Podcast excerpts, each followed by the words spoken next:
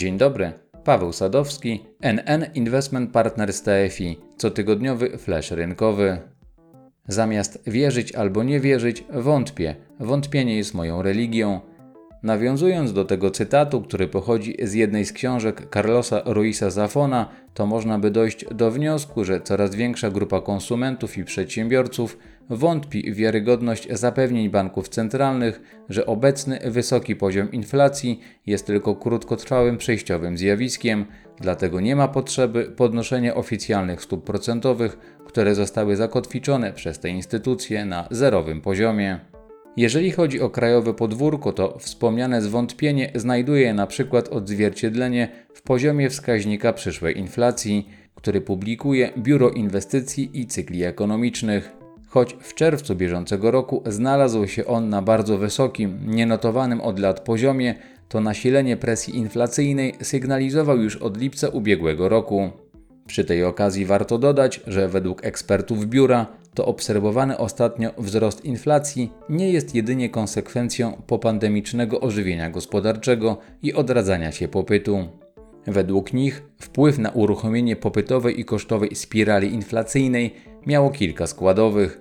Po pierwsze, proinflacyjny charakter polityki monetarnej, która prowadzona była na długo przed pojawieniem się pandemii i miała wtedy zagwarantować wyższe wpływy do budżetu i stymulować popyt wewnętrzny.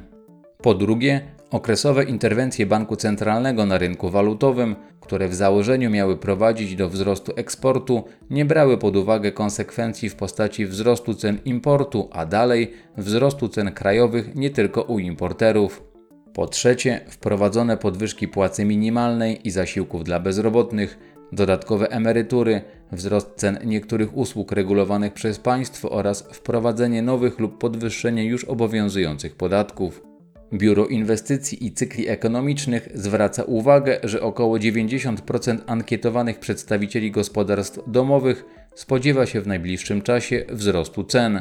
Około 30% uważa, że spirala inflacyjna przyspieszy, natomiast ponad 40% badanych konsumentów jest zdania, że ceny będą rosły tak szybko jak do tej pory.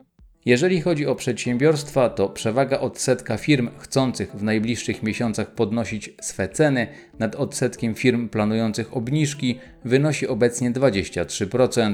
Jest to najwyższy wskaźnik wzrostu prognozowanych cen od jesieni 2007 roku.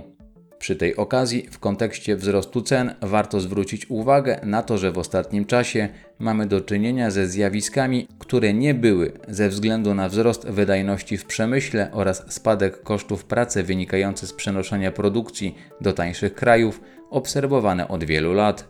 Ceny odzieży, obuwia, sprzętu RTV czy komputerów rosną znacznie szybciej niż w przeszłości.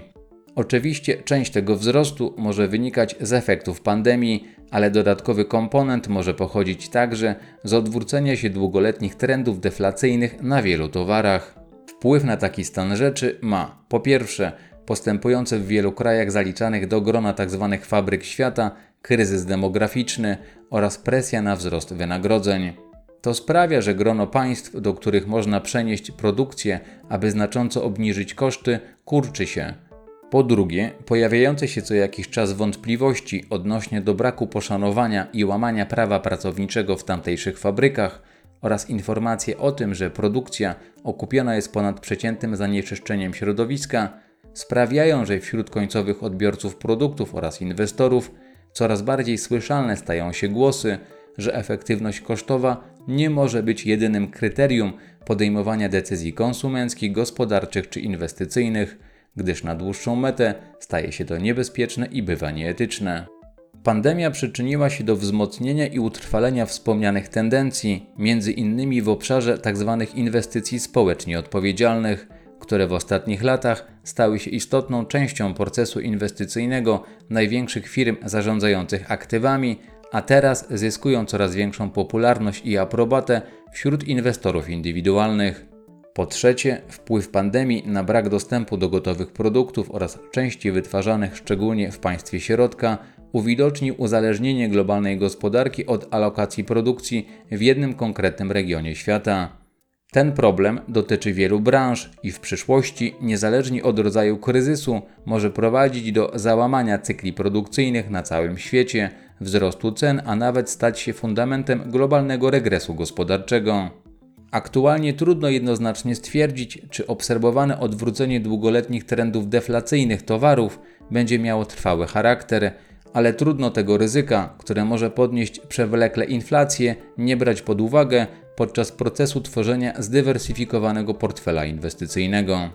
Na koniec warto byłoby zadać pytanie, czy polskie gospodarstwa domowe odwzorowują swoje inflacyjne obawy w strukturze oszczędności. Odpowiedź jest krótka: nie. O tym, co może mieć wpływ na taki stan rzeczy i jak to wygląda za oceanem, opowiem w następnym podcaście. To tyle na dzisiaj i do usłyszenia.